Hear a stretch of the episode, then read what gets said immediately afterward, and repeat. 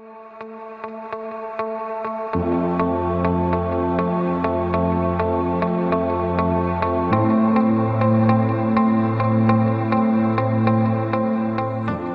merhaba. Bugün akademisyenlik mesleğini konuşmak üzere İstanbul Üniversitesi Hukuk Fakültesi Anayasa Hukuku Anabilim Dalı'ndan Doktor Öğretim Üyesi Volkan Aslan hocamızla birlikteyiz. Hocam öncelikle bize zaman ayırdığınız için teşekkür ederim. Bize öncelikle biraz kendinizden bahseder misiniz? Merhaba, ben teşekkür ederim bu ilginiz için. E, Doktor öğretim üyesi Volkan Aslan, ben 2011 yılının Eylül ayından bu yana İstanbul Üniversitesi Hukuk Fakültesi Anayasa Hukuku Anabilim Dalı'nda çalışıyorum. E, Haziran 2020'ye kadar bu çalışmamı araştırma görevlisi olarak sürdürdüm. Haziran 2020'den bu yana yaklaşık işte bir 9 aydır da e, doktor öğretim üyesi olarak çalışmaktayım. Herhalde bu kadarlık yeter şimdilik. Tamam. Dilerseniz sorulara geçelim. Tabii. Akademisyen olmak için hangi aşamalardan geçmeliyiz? Ya aslında tabii akademisyenlik e, eğer bunu bir kadrolu bir iş olarak düşünüyorsanız tabii ki bir üniversitede çalışarak e, gerçekleştireceğiniz bir iş olarak düşünüyorsanız öncelikle lisansüstü eğitimi tamamlamanız gerekir. Ya da şimdi bazı üniversitelerde doktora yapmasalar bile yüksek lisans yapıp öğretim görevlisi sıfatıyla çalışan bazı akademisyenler var. E, ama akademik silsilede ileri aşamaya gidip e, öğretim üyesi sıfatını almak istiyorsanız yüksek lisans ve doktora eğitimini tamamlayıp sonra öğretim üyesi sınıfınıza e, sınıfına geçmeniz gerekiyor. Ama tabii şu da var. Mesela akademisyen olmak illaki resmi eğitim alıp akademisyen olunacak diye bir şey yok. Yani kimileri eğer kendileri bu işe adarlarsa ki öyle çok kişi var yazıp çizen eden bir eğitimini e, belli bir süreye kadar alan ama bir üniversitede çalışmayan e, o kişileri de akademisyen olarak nitelendirmek mümkün. Aslında akademisyen olmak için en önemli şey ilgi, alaka, sürekli okuma ve yazma isteğinin olması ve bilgiyi paylaşmak. Peki e, bu aşamalardan biraz daha detaylı bir şekilde bahseder misiniz? Yüksek lisans, doktora eğitimlerinden. Tabii. E, ben 2011'de lisans bitirdikten sonra 3 ay sonra kamu hukuku yüksek lisans programına başladım. E, şimdi her üniversitenin hukuk yüksek lisans programları, doktora programları farklıdır. Bazıları kamu hukuku, özel hukuk şeklinde bir ayrıma gider. Bazıları daha spesifik ayrımlar benimser. Mesela anayasa hukuku, vergi hukuku, işte özel hukuk yüksek lisansı gibi. Ben kamu hukuku yüksek lisansı yaptım 2011 ile 2013 arasında. İşte bunun bir senesi ders dönemi, bir senesi de tez dönemi olarak geçti ve tezimi savunup yüksek lisans aşamalarını bitirdim. E, doktora eğitimine de 2013 yılında başladım. Tabii doktora biraz daha ağır bir eğitim. E, orada da bir senelik bir ders alma sürecimiz oldu. Sonrasında bir sene yeterlik sınavına hazırlanıp sonra yeterlik sınavını geçtim. E, ve 4 senede de doktora tezimi yazıp e, savundum ve 2019 yılında doktora eğitimimi tamamlamış oldum. Yani yüksek lisans aşamasında aslında sizden beklenen bir konuyu derli toplu araştırıp ortaya koyabiliyor musunuz? Ee, beklenen sizden o ve bir araştırma hazırlığı aslında yüksek lisans. Ama esas gerçekten araştırma yapıp bir bilimsel bir katkı, bir eser ciddi anlamda ortaya koyabileceğiniz aşama doktora aşaması oluyor ki sizden de beklenen zaten doktorada bağımsız bir araştırma yapıp ortaya gerçekten tez niteliğinde bir şey e, ortaya koymanız. Aslında yüksek lisans aşaması bunun biraz hazırlığı gibi diyebilirim ben. Yüksek lisans ve doktora eğitimlerinin katkılarından bahsedebilir misiniz? Ya yüksek lisans eğitiminin katkısı dediğim gibi aslında bir araştırma yapmaya giriş gibi. Maalesef hukuk lisansında biz e, çok fazla bir araştırma metotlarıyla alakalı bir ders almadık ya da işte bir şey bir konuyu nasıl araştıracağımıza ilişkin bir konu bir ders almadık. Yüksek lisans aslında bununla ilgili pratik yapma şansımızın olduğu bir dönem oldu. Doktora eğitimi tabii ki özellikle yeterlilik aşamasında çok ciddi bir okuma yapma imkanım oldu ve böylelikle e, kendi alanımla alakalı belli ölçüde bir e, uzmanlık sağlayabildim. Ha, sonrasında da e, doktora tezimi yazarken hem bizim alanımızla alakalı araştırma yöntemleri nasıl yapılır, işte bir konu derli toplu ortaya nasıl konulur, yabancı kaynaklardan nasıl yararlanılır, e, işte yurt dışında bir kütüphanede nasıl araştırma yapılır, diğer hocalarla nasıl irtibata geçilir, yani hem teorik hem pratik birçok e, katkısı olan bir süreç oldu benim için doktor eğitiminde. Bir akademisyen olarak ne gibi çalışmalarla meşgulsünüz? Mesai saatleriniz nasıl? Vallahi mesai saatimiz yok aslında. Sürekli çalışıyoruz. Ee, ben bir yandan lisans da okuyorum. Yani şu an e, hem akademisyenim hem öğrenciyim aynı zamanda. Fransız Dili ve Edebiyatı bölümünde okuyorum aynı zamanda. Hafta içi sabahları lisans eğitimimle geçiyor. Öğleden sonraları da verdiğim derslerle ilgileniyorum. Bu çerçevede haftada bu dönem bir 15-16 saatlik bir ders yüküm var. Ee, tabii biz 15-16 ders saat ders anlatıyoruz ama bunun dışında en az 2-3 katı kadar süreyi de bu derse hazırlık çerçevesinde e, geçiriyoruz. İşte derslerde ele alacağım kararları taramaktan tutun da o alanda yeni çıkan yazıları okuyup aktarmak e, amacı tabii bizi fazlasıyla vaktimizi alan bir uğraş. E, bu yüklerden aslında yük dememek lazım ama bu işte uğraşılardan kalan zamanımızda da işte o esnada ilgilendiğim bir konuyla alakalı belki bir makale yazıyor olurum. Şu an mesela bir araştırma yapıyorum olağanüstü hallerle alakalı. Ee, yaz muhtemelen ders döneminden sonra yazdan sonra da yeni bir eser artık düşünüp kaleme almaya başlayacağım herhalde. Öyle bir niyetim var bakalım. Ama bizde dediğim gibi mesai saati kavramı yok. Yani genellikle ben akşamları, sabahları, gece sürekli bir şeylerle meşgul oluyorum işimle alakalı olarak. Yani belki de akademisyenliğin bir kötü tarafı da bu.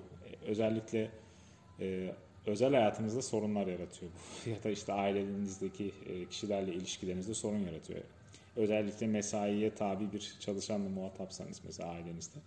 İşte insanların işi bitiyor 5'te, herkes rahat oluyor. Sizin bir yığın işiniz devam ediyor oluyor. Bazen işte uyum sağlayamıyorsunuz. Ama neyse ki anlayışları sayesinde bunları da alt etmek mümkün. İyi çalışmalar diyelim o zaman. Sağ olun. Akademisyen olmaya ne zaman karar verdiniz peki? Ya aslında ben birçok hukuk öğrencisinde olduğu gibi birinci sınıfta e, ilk ders almaya başladıktan sonra özellikle anayasa hukuku ve genel kamu hukuku dersini alınca bu alanlarda akademisyen olmak istemiştim.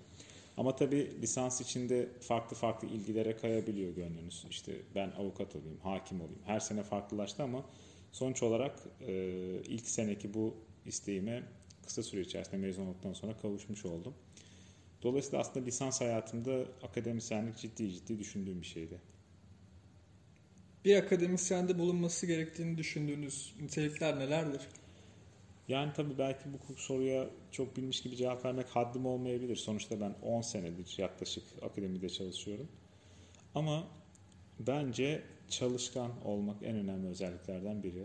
Kendini sürekli güncel tutma ihtiyacı hissetmek ve bunu yapmadığında vicdanen rahatsız olmak bence bir akademisyende mutlaka olması gereken bir şey. Ve sürekli kendinizi geliştirme yolunda bir güdüye sahip olmanız lazım.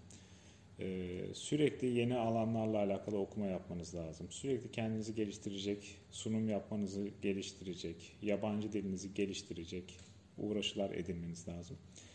Ve bir akademisyen olarak bence genel kültürünüzün de çok fazla olması lazım. Sürekli gezmeniz lazım. Hayatla alakalı görgünüzün artması lazım. Aksi takdirde olaylara çok yönlü yaklaşmanız pek mümkün değil. Ben 3-4 sene önceki benden farklı düşünmüyorsam şu an akademide gereğini yapmıyorum demektir bence. Akademisyen olmanın olumlu ve olumsuz yanlarından bahseder misiniz? Yani olumlu yanları çok daha fazla tabii. Bir kere e, okumayı seviyorsanız aslında akademisyenlik aynı anda okuyup aynı anda para kazanıp çalışabileceğiniz ve hayatınızı idame ettirebileceğiniz bir meslek. Ve akademi dışında hangi meslek size sürekli bu şekilde kendinizi geliştirme imkanı verir aynı anda bilemiyorum. Dolayısıyla akademinin bu açıdan çok büyük bir getirisi var. Aynı zamanda ben kişisel olarak insanlara fayda sağlamayı ve birilerine bir şey öğretmeyi de çok seviyorum. Ve bu gibi e, olumlu yanları var.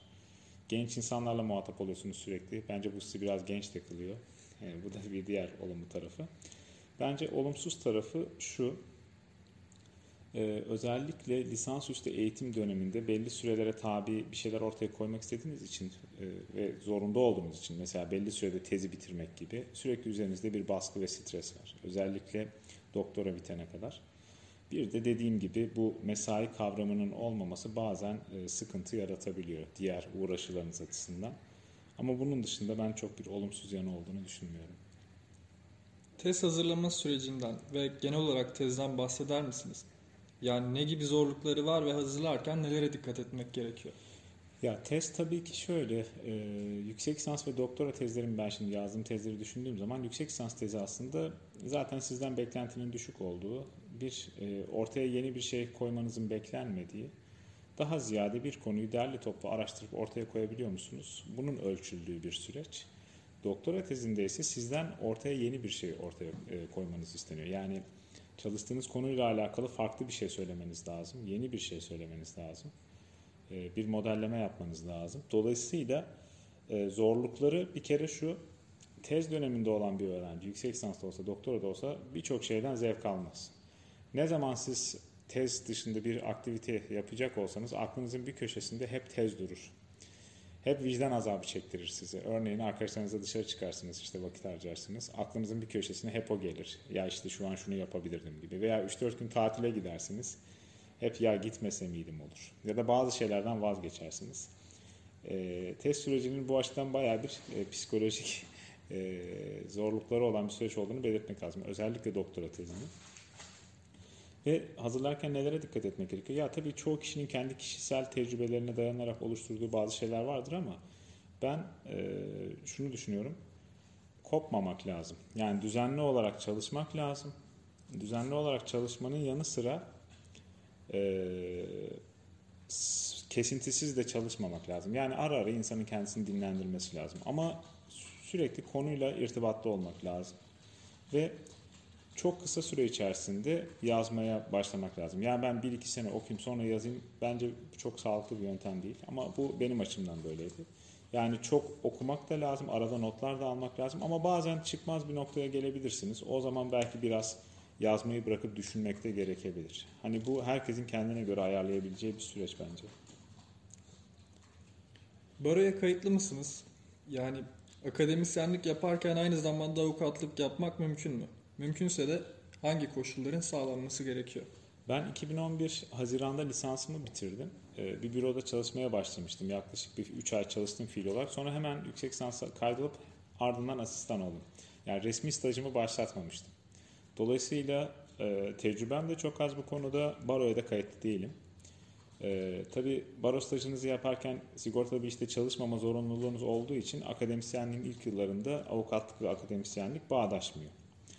Akademisyen olarak ne zaman avukatlık yapabilirsiniz? Avukatlık kanununda avukatlıkla bağdaşan işler var. Burada akademide doçent olarak çalışıyor olmak ya da profesör olarak çalışıyor olmak bağdaşır gözüküyor. Dolayısıyla doçent ünvanını aldıktan sonra aynı zamanda avukatlık da yapabilirsiniz. Ve avukatlık kanunun yine bir diğer maddesi gereğince e, bu şekilde avukatlık ruhsatı alabilmeniz için staj da gerekmiyor. Yani siz akademisyen olup doçent olduğunuz anda direkt baroya başvurup ruhsatınızı alıp aynı zamanda avukatlık da yapabilirsiniz. Ama doçent olana kadar yapamazsınız. Geçtiğimiz bir yıl boyunca yüz yüze eğitimden ne yazık ki mahrum kaldık. Sizler bu durumdan nasıl etkilendiniz? Ya biz de kötü etkilendik çünkü e, bilgisayar karşısında ders anlatmak bizim için de çok sıkıntılı bir durum. İşte en basiti e, eğer çok hareketli ders anlatıyorsanız, ayakta ders anlatıyorsanız, işte kürsüde oturmuyorsanız mesela o masanın karşısında oturup ders anlatmak eziyet gibi geliyor ki benim için öyle. E, bir de mesela işte gözlerimde sorun oldu benim. Gözlerim kurumaya başladı sürekli ekrana bakmaktan. Ve aynı şey olmuyor. Yani fiili olarak ders anlatırken kürsüde öğrencilerle yakaladığımız o etkileşimi biz uzaktan eğitimde yakalayamıyoruz. Bu da ders e, anlatırken işte ulaşmak istediğimiz konsantrasyonu da etkiliyor. Öğrencilerle kuramadığımız o etkileşimi de etkiliyor. Dolayısıyla maalesef bizim için de e, sıkıntılı bir süreç. E, tabii yola gitmediğimiz için vesaire bazı açılardan iyi olabiliyor. Hani evde belki o yoldan kazandığımız zaman kalıyor vesaire ama Şimdi sürekli bir yerde kapalı kalıp saatlerce dursanız da verim alamıyorsunuz. Dolayısıyla ben e, zamanında işte okula gelirken okula gelip işlerimi yapıp eve gittikten sonra çok daha verimli geçirdiğim e, bir iki saati şu an evde durduğum 10 saate tercih ederim verim açısından. Çünkü olmuyor yani psikolojik olarak konsantre olamıyoruz. Umarım bir an önce sona erer. Biz de öyle umuyoruz. Son olarak akademisyen olmak isteyen lisans öğrencisi arkadaşlarımıza ne gibi tavsiyelerde bulunmak istersiniz? Yani benim naçizane tavsiyem lisansta yaz tatili ve boş zamanlarını hukuk bürolarında ezmesinler. Hukuk bürolarında lüzumsuz işlerle harcamasınlar. Çünkü sonradan böyle vakitler bir daha ele geçmiyor. Bu vakitleri eğer illa bir şeyler yapmak istiyorlarsa kendilerini geliştirmek için kullanabilirler. E, ben normalde hep bu gibi dönemlerde işte Erasmus olsun ya da Work and Travel gibi işte yurt dışında vakit geçirmeyi sağlayacak aktivitelere yoğunlaşılmasını tavsiye ederim ama tabii şu an virüs olduğu için bunlarla alakalı bir şey de diyemiyorum maalesef. Ama e, akademisyen olmak için sürekli okumak, kendini geliştirmek ve yabancı dile hakim olmak önemli. Özellikle İngilizceyi geliştirmek e, bu çerçevede lisans öğrencilerinin gerçekten o aşamada yapmaları gereken bir şey olmalı. Ve olabildiğince ortalamayı yüksek tutmak lazım. Ortalaması çok düşük olan bir kişi çok başarılı bir akademisyen olabilir. Ama maalesef bazı objektif kriterler gerektiği için bu mesleğe girmek için işte ALES gibi, ortalama gibi vesaire gibi ister istemez bazen objektif bir sıralamaya tabi tutuluyorsunuz. Dolayısıyla bu gibi e, olumsuz durumlara maruz kalmamak için ortalamanızı olabildiğince yüksek tutup lisanstayken de işte bu ALES'tir, YDS'dir, iyi kötü son seneye kadar birer sınav sonucu alıp kenara koymakta fayda var. Ben mesela son senemde bir de son sınıfta şöyle bir şey olur. Daha artık ne yapacağım psikolojisi içine girer öğrenciler. Ee, ben şunu tavsiye ediyorum. Ne olursa olsun kenara bir ALES ve yabancı dil sonucu koyun. Lazım olabilir çünkü. Mesela ben mezun olduktan çok kısa bir süre içerisinde master'a ve e, asistanlığa başlayabildiysem zamanda o sınavlara girmem sayesinde oldu. Aksi takdirde o fırsatları kaçıracaktım mesela. Dolayısıyla lisans bitmeden e, bu şekilde kendini geliştirip arkadaşların bu sınav sonuçlarını da bir kenara koymaları iyi ya da kötü e, tavsiye edeceğim bir husus olur. Hocam son olarak bonus bir soru sormak istiyorum. Hı hı. E, bu konuyla ilgili bir videonuz da gündem olmuştu biraz. Bir akademisyene e, mail atarken ona ulaştığımızda nasıl bir dil kullanmalıyız? Ya aslında bu sadece bir akademisyene yönelik değil. Yani toplumsal statü olarak hangi statüde olursa olsun bir insan kime mail atıyorsanız atın. Yani insanın bir hitapla başlaması lazım. Yani bilmiyorum ben sokakta gördüğüm bir kişiye de adres soracaksam öncelikle merhaba diye işte şey yapıyorum. Veya bir e, poğaça almaya girerken bir fırına günaydın diyorum mesela ya da merhaba diyorum. Hemen girer girmez bana 3 peynirli poğaça demiyorum. Ha ben bunu desem de adam bana verir muhtemelen 3 peynirli poğaçayı ama ben kendime yakıştıramıyorum. Dolayısıyla sadece akademisyenler açısından değil, e, diğer herhangi biri kim olursa olsun tabii bu uzaktan eğitim döneminde maillerin önemi arttı tabii uzaktan iletişim kurmak zorunda kaldığımız için. Ama ben şahsen merhaba hocam girişini tercih ediyorum. Sonrasında da işte meramını anlattıktan sonra kişi işte akabinde bir iyi günler gibi bir ifade bence yeterli olur. Ama tabii e, bilmiyorum herkes bu şekilde mi düşünür ama benim bildiğim ve hani dünyada da gördüğüm en azından insanların bu şekilde doğrudan konuya girmeyip bir e, selamla başlamaları. Ya ben şahsen bunu tercih ederdim. Davetimizi kırmayıp e, kabul ettiğiniz için teşekkür ederiz hocam. Ben çok teşekkür ederim e, vakit ayırdığınız için. Herkese de çok selamlarımı iletiyorum. Çok teşekkür ederim.